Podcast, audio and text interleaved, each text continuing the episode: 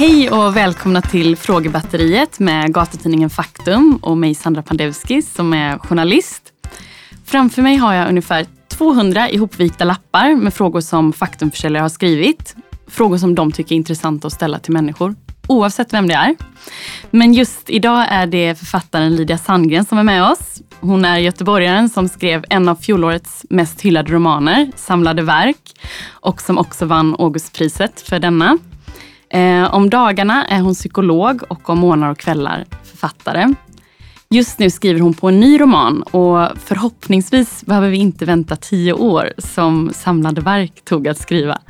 Välkommen Lydia. Tack. Hur mår du idag? Jag mår alldeles utmärkt. Det är ju fredag och jag har fått kaffe och ja. Precis, och det är din lediga dag. Exakt. Ja. Nu har jag gått ner lite i tid. Jag har jobbat heltid ju. Eh, så då kan man göra sådana här grejer ja. också. Härligt. Mm. Då kör vi igång. Har du några fobier? Nej, det har jag inte. Men jag funderar på om jag har haft. Mm, som jag liksom har då själv kbt mig med. Men jag kan faktiskt inte komma på det. Nej, det har jag inte. Nej. Jag tycker liksom inte saker är så äckliga eller uh, jobbiga. Nej, eller inte så. så fötter eller någonting Nej. sånt. Nej. Utan uh, om någonting tar emot så är det ju ofta en ganska bra strategi att försöka göra det. Just det. Jag tror att jag har kört på det mycket i livet. Vad har du för beroende? Kaffe. Mm. Det här är ju kopp nummer fyra. Mm, och klockan är typ strax efter tio. Ja, ja. Jag brukar försöka sluta dricka klockan 15 för det var någon som sa till mig att halveringstiden är sex timmar eller någonting så att jag kan sova på nätterna. Men eh, det, det funkar inte utan kaffe. Mm. Uh, ja, helt hopplös att göra med. Mm. Har du alltid, liksom, eller när började du dricka kaffe? Jag började dricka kaffe när jag var kanske, jag minns att jag satt någon gång för att plugga till ett matteprov i åttan eller nian och då hade jag liksom bryggt en kanna kaffe till mig för att hålla mig lite sådär igång. För att det, mamma är också då en stor kaffedrickare. Mm. En gång försökte hon sluta och då kräktes hon av abstinens. Oj. Det kan också varit för att hon var gravid. Det är ingen som, det är där de tvistade lärde. Uh, så jag hade väl liksom helt enkelt tagit efter henne då. Uh, och det var nog där kaffekarriären tog sin eh, början. Mm. Annars inga beroenden. Jag har slutat röka. Mm. Uh, och sådär. Uh, men koffeinet... Helt liksom, eller är det festen? tar en cigg ibland. Ja. Men, mm. men koffeinet, det, det får ingen röra. Har du magrutor? Nej. Nej. Gillar du att träna då? Jag gillar att springa. Ah. Jag gillar inte att vara på gym. Det tycker jag är trist. Men eh, jag mår dåligt om jag inte får röra på mig. Mm. Eh, så löpningen, det är mer, mer lårmuskler mm. än magrutor. Ja. om du hade stålar, vad hade du velat göra då? Bra fråga. Mm. Ja, men då hade jag nog velat ha lite mer tid att skriva. Mm. Jag har ju en tanke om att det är bra att ha ett jobb, dels för moralen. Liksom. De flesta människor som, som har möjlighet att jobba vill ju jobba eh, och trivs ganska bra med det. Och, liksom, det är någon källa till glädje och samhörighet och självkänsla och sådär. Um, och um, så jag hade liksom inte velat vara ledig tror jag. För vad fan skulle jag göra med den tiden? Mm. Men eh, däremot hade jag velat ha lite, lite mer tid att skriva på. Det är lite slitsamt att ställa klockan på sex och gå upp där. Ja. Mm, det är ingenting som du hade velat ha liksom, rent... Eh, Kanske en större fysiskt. lägenhet. Mm. Men annars är jag ganska nöjd ändå. Mm. Ja. Gött. Ja.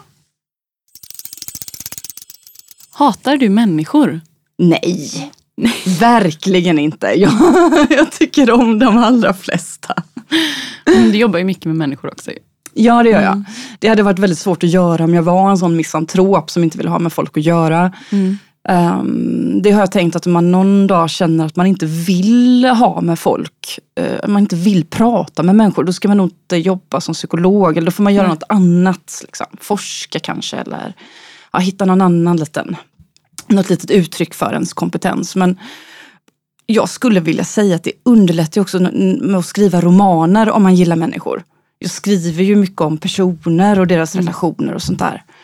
Um, så jag skulle nog säga att jag är på den, den människoälskande delen av skalan. Mm. Snarare. Du ska också få dra här sen, ja. jag lovar. Ja, det är så roligt. Det är som en sån lotttombola. Man tänker, kommer jag vinna? Mediterar du? Nej, för fan. Va? Nej, men jag är så rastlös. Eh, och det, då kanske i och för sig det hade varit bra att meditera. Men jag springer. Ja. Eh, och jag är också ganska har jag upptäckt faktiskt närvarande i det som jag gör när jag gör det. Mm. När jag pratar med folk så är jag liksom i det. Mm. Eh, jag tycker ofta jag blir lugn av att liksom träffa patienter och då är man som 100% i det samtalet. Mm.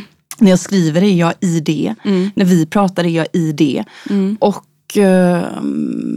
Så det är ganska sällan som jag liksom är någon annanstans i tankarna. Mm. Och då kanske man heller inte behöver meditera så mycket. Det är väl också, man gör väl det lite för att liksom samla ihop sig och bli närvarande och landa lite. Mm. Men skrivandet har nog varit, fyllt samma funktion för mig tror jag. Mm. Och löpningen. Mm. Skönt. Mm. Vilka kickar föredrar du? Alltså jag är ju inte, skulle jag säga, en räddhågsen människa. Det stämmer inte. Men jag lever ju ett ganska stillsamt liv. Och eh, jag har ju, jag är liksom inte någon sån adrenalin junkie riktigt. Däremot så har jag något behov av stimulans. Det behöver hända någonting. Och det får jag nog också på något vis utlopp för i, i, liksom, i skapandet tror jag. Alltså det är en sån väldigt stark känsla när man får ur sig någonting. Eh, liksom någonting ligger och skaver eller gror eller man har något som man på något sätt vill ge uttryck för och så lyckas man med det. Eh, antingen i text eller också när jag har spelat musik, som jag har gjort mycket tidigare, eller tecknat. Att det liksom bara kommer ett sånt där fantastiskt eh, rus av skapande kraft. Eh, det händer ganska sällan. Mm. Eh, men när det sker så är det alldeles underbart. Mm. Det skulle jag säga är en slags kick. Vad tänker du på när du tänker på klimatet? Och vilka idéer har du för att rädda det? Oj, vilken stor och eh, inte helt lätt fråga. Jag känner, tror jag skulle, tror att man kan säga någon slags jag känner mig beklämd och tänker, hur fan ska det här gå? När jag tänker på klimatet. Mm. Och det jag tänker att människor behöver göra, inklusive jag själv, är att eh, skärpa sig i förhållande till konsumtion av olika slag. Det är naturligtvis inte den enda eh, lösningen. Man måste göra någonting, samhället måste göra, det måste ske någonting på strukturellt plan också. Mm. Men jag tycker på något vis att det är helt jävla bisarrt att vi har kunnat fortsätta med den här eh, konsumtionskulturen som ju på många sätt utarmar de resurser som finns. Att, att folk är mm, väldigt intresserade av att köpa saker som ju då måste produceras av, av någon och av något. Um, så, och för all del resandet. Um, att, att, att vi i Sverige idag tar för givet att man kan åka vart man vill, när man vill och hur man vill. Liksom sådär.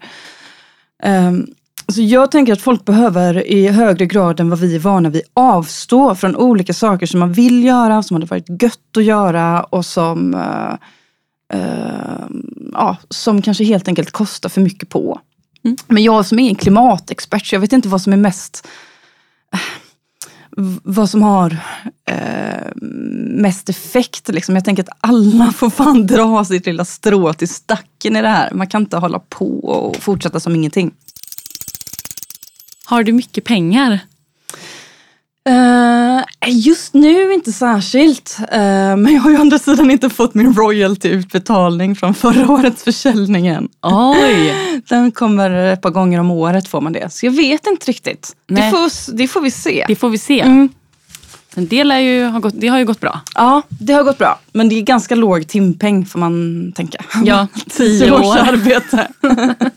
det är ändå typ så här fem spänn. Okej, okay, nu drar jag här. lite. Mm. Jajamän, tar vi en här i botten. Oj, den här var svår. Vilken religion tycker du är den som världens befolkning borde följa? Aha. Mm. Ja, det tycker jag inte att jag har någon eh, varken rätt eller um, kompetens. Tråkigt ord. Kun, hur fan ska jag kunna säga någonting om det? Jag är en vanlig jävla människa. Jag tycker dessutom att, eh, att ingen person Uh, oavsett utbildningsnivå eller själsligt djup uh, kan, uh, kan säga någonting som rör så många människor. Man kan inte säga alla personer borde göra så här för det är rätt och allt annat är fel. Så jag skulle säga att eh, människor får vara religiösa precis så mycket eller så lite de vill. Eh, och på det sättet de behagar. Man får inte skada någon annan, skulle jag nog ändå vilja säga, som någon slags moralisk grundton. Mm. Eh, och man behöver nog visa hänsyn och så vidare. Men eh, nej, eh, jag har ändå för religionsfrihet. Yes. Har du, är du själv troende? Nej. Nej. Har du varit? Mm, nej, inte sen jag var liksom sådär jag är ändå uppvuxen i en, eh, i, i, en kyrklig och kristen miljö kan man säga eftersom jag kommer från landet. Eh, så att jag har ändå gått på kyrkans barntimmar och sådär och jag märker att det finns eh, jag har fortfarande med mig den typen av tankar på något sätt i min människosyn. Till exempel liksom, ja, att, att visa andra människor hänsyn och liksom, eh, inte sätta sina egna behov framför andras. Och sånt där. Mm. Det ändå känns som sån här kyrkans barntimmar klang, klingar där långt bak i minnet.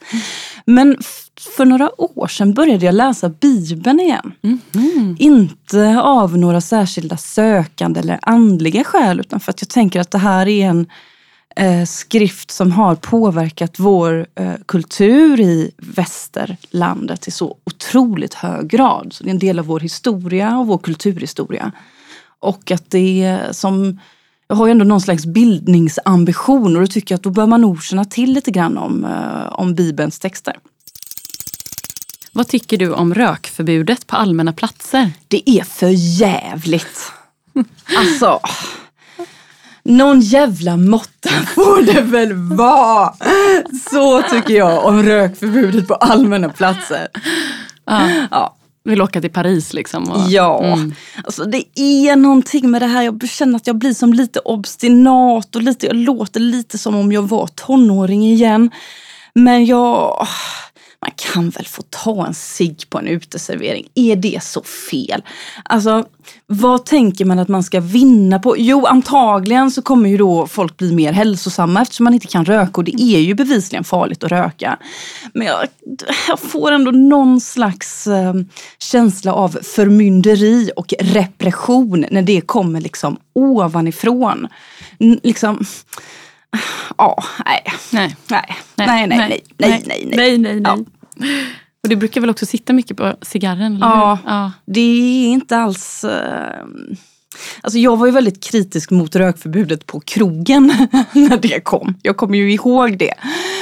Uh, och sen så fick jag då i likhet med många andra krypa till korset och konstatera att det är ju ändå ganska skönt att kunna vara på lokal utan att det är som att stiga in mm. i en gaskammare. Liksom. Uh, och um, men nu tycker jag det har gått lite för långt. Ja, och cigarren ska sägas att det är ett café här i Göteborg, ja. på Järntorget, där du brukar skriva. Precis, yes. och som också har sålt cigarrer. Folk går ju dit för att köpa ja. en cigarr och sitta och, och, röka den i godan ro. Mm. Så det finns ju också någon slags civiliserad rökkultur kring cigarren. Mm. Därav namnet på kaféet också. Så de har ju liksom tappat där sitt existensberättigande höll jag på att säga. Nästan. ja. Som tur är kan man göra andra saker också. Hur ser du på robotar? Oj! Gud vilken rolig fråga. Det har jag typ aldrig tänkt på. Jag kan för lite om robotar va? men mm. eh, jag är ju väldigt förtjust i människor. Och robotar är ju inte människor. Eh, och eh, det blir väl det är spännande att se vad den här enorma tekniska utvecklingen som ju faktiskt Alltså den värld som vi lever i nu, idag, 2021, är ju så eh, enormt annorlunda från hur det var typ 1999. För att bara ta ett slumpvis valt årtal. Um, och jag antar att om 10 år eller 20 år så kommer det liksom vara ännu mer nyheter på robotfronten. Mm. Time will tell. Yes. Vi får se hur det blir. Vem är din bästa vän? Oj. Men det kan man ju inte svara på så här.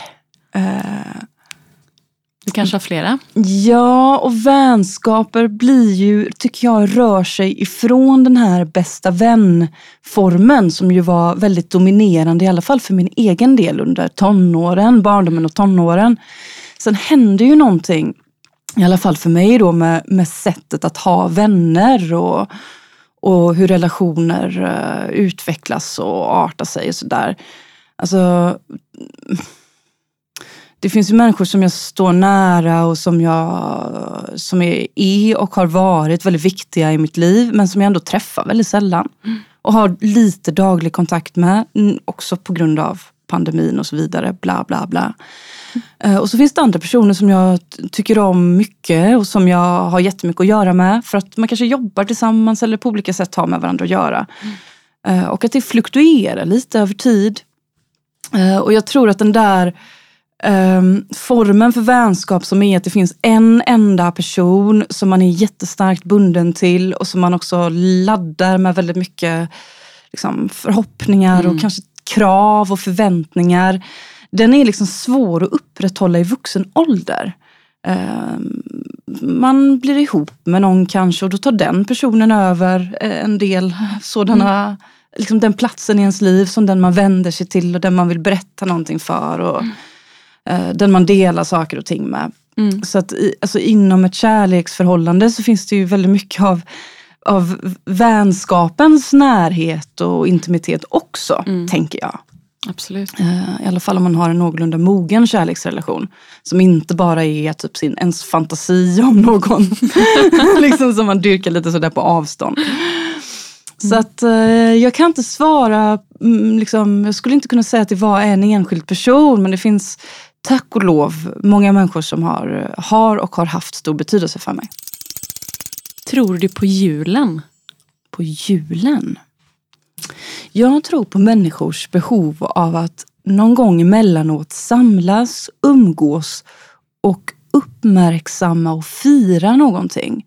Ritualernas betydelse, eh, ceremonierna och eh, på så vis är ju julen en högtid som jag får säga att jag tror på. Ett tillfälle när man får ha med andra personer att göra. Mm.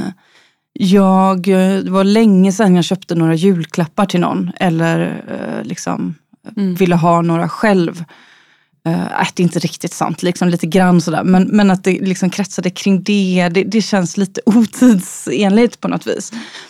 Uh, jag, tänk, jag tror också på, på, på liksom, uh, födelsedagar och, och dop, typ. Mm. Eller liksom att det finns... Uh, oj, nu håller jag på att slå ner mikrofonen. Att man behöver liksom samlas ibland kring någonting och uppmärksamma det. Bröllop mm. eller fester eller sådär. Mm. Har du några andra typer av ritualer eller så som du gör kanske mer vardagligt än de klassiska högtiderna så att säga? Men jag har blivit eh, bättre på att helga helgen kan man mm. väl säga. Eh, jag jobbar ju så jävla mycket. Eh, liksom från att jag vaknar till att eh, tills på kvällen liksom, med olika saker.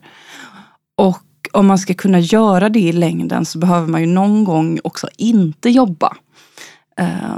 För att få liksom lite, lite jävla tankeutrymme och ha med människor att göra också.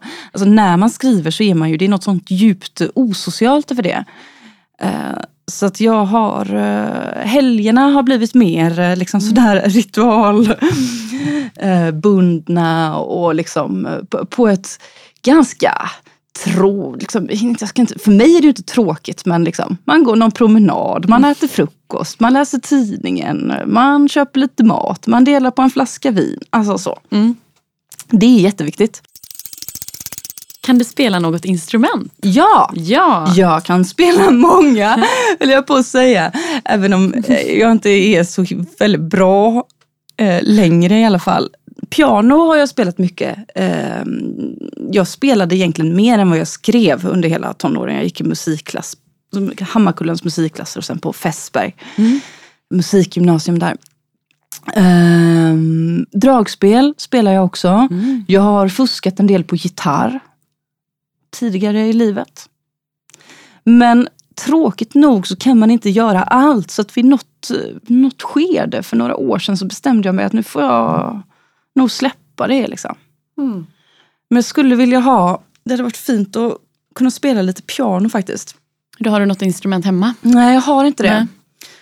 Eh, inte hemma hos mig. Eh, men om jag någon gång eh, flyttar till någon, ett, ställe där det får plats med ett piano eh, och där det inte finns grannar som eh, får krupp av att man sitter och klinkar fram.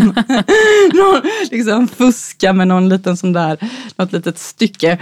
Då skulle jag gärna göra det. Mm. Om du inte hade blivit, eh, om du inte valt skrivandet, tror du hade varit musiker idag? Inte professionell musiker. Jag tror inte jag är tillräckligt bra på det. Nej. Ehm, jag har någon slags uttrycksförmåga men jag är inte tillräckligt musikalisk. Och jag var framförallt inte så bra på att öva. Vilket jag tror att alla mina piano, tidigare pianolärare kan känna igen sig i. Mm. Okej, ja, nej, du har inte gjort läxan. Nej, och då mm, tar vi det från början. Känns det bra? Mm. Yes. Det var roliga frågor. Ja, vad kul. Det här är frågor jag aldrig har fått. Jag får ju väldigt mycket samma frågor. Mycket Mm. så här, ja men hur känns det nu då inför den andra romanen? Hur blir det att följa upp samlade verk? Ja, det får vi väl se, inte fan vet jag. Ehm, eller hur känns det att ha vunnit Augustpriset? Ja. Ja, askul. Liksom. Vad, vad kan man svara annat på den frågan? Mm. Så det är väldigt skönt att få det här. Är du oskuld? Nej, verkligen inte. Nu ångrar du att du sa det innan. Du bara, älskar här frågorna. Vi går vidare. Källsorterar du? Ja, Ja. Har du några syskon? Jag har sex stycken yngre syskon. Mm. Äldst av sju barn är jag. Mm. Hur många är liksom åldersspannet mellan er? Är ni, är ni, Det är 15 år mellan mig och min eh, yngsta syster. och hur är relationen mellan er idag? Den är bra. Eller ja, det får man väl fråga dem. De, de tycker nog så här. Ja, det var ju väldigt länge sedan man såg någonting av Lydia. För att hon är alltid så upptagen och hon jobbar hela tiden. Mm. Eh, och hon har aldrig riktigt tid att ses. Fattar. Eh, Men eh, samtidigt så är vi ju så jävla många. Så en fördel med det är att man kan liksom skapa...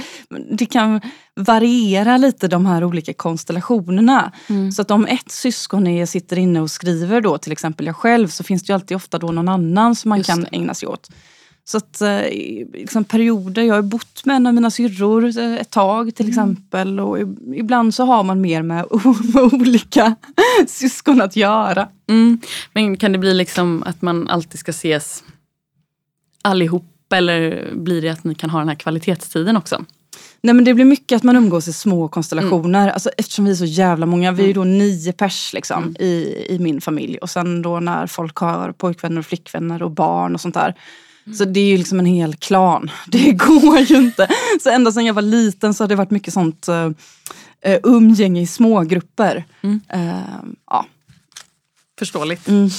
Alltså, inte ens, man kan inte ens gå på bio, du vet, för när man bokar, eh, det är klart man kan, men när man bokar biljetter så är maxantal åtta. Jag vet en gång skulle vi gå på bio allihopa om någon jävla... Det, har liksom, det måste ju varit jättesvårt att rodda det, men det, det blev så. Ja. Eh, och att jag var tvungen att boka biljetter så två omgångar för vi var så jävla många. Är du äkta blondin? Nej. Nej. Jag är äkta redhead. Du är äkta Ah. redhead. Har du räddat någon någon gång? Oj! Det beror ju på vad man menar med att rädda. Eh, jag hoppas att jag eh, någon gång ändå har kunnat hjälpa folk. Ehm, att eh, röra sig i en riktning bort från katastrofer och destruktivitet och hemskheter eh, upp på lite fast mark. Eh, men det vet man ju aldrig. Man vet ju inte vad det är som gör att det blir på det ena eller det andra sättet för en människa och vilken betydelse man själv har i det eller ehm, sådär. Så jag vet faktiskt inte. Nej. Har du blivit räddad någon gång?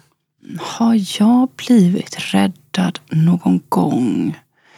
Jag kommer att tänka på ett mycket konkret exempel som är när jag cyklade vält och slog mig något enormt eh, utanför eh, Stigbergskliniken där ligger. Mhm. Mm. ne- där Nere i backen.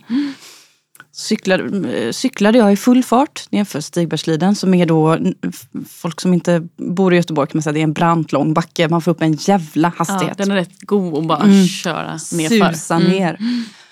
Och det var faktiskt i den här tiden på året, eh, lite längre fram, april kanske. Så att eh, det låg massa sånt grus från eh, vinterns grus. Och då plötsligt gjorde jag en vurpa, flög över styret och kraschlandade i marken utan hjälm. Ah. Ha alltid hjälm på er kära vänner. Särskilt i Stigbergsbacken. Eh, och eh, då blev jag liksom hop, hopsamlad och, och inföst i en ambulans och körd till Sahlgrenska och hoppusslad och opererad och sånt där. Mm. Eh, och det får man ändå betrakta som någon slags räddning eh, av eh, Absolut. eh, akutvårdspersonal där Mm. och övriga. Men det gick bbra, du ser hel ut. Ja, det här var för tio år sedan. Jag har faktiskt inte, jag har tänkt att jag ska köpa en cykel nu. Vänta lite då bara. Så det inte blir samma Kanske den period där- igen. Jag fick en fråga förut som var om jag har någon fobi. Mm. Och det är ju inte så att jag inte har cyklat sedan den här cykelolyckan. Det har jag gjort lite grann, men inte särskilt mycket. Nej. Och det tar ju emot Mm. eh, på något sätt att tänka att jag ska eh, cykla ner för den där backen igen. Mm. Förstår det. Ja. Mm. Mm. Har du gjort det i skogen med skorna på? Pass. Pass.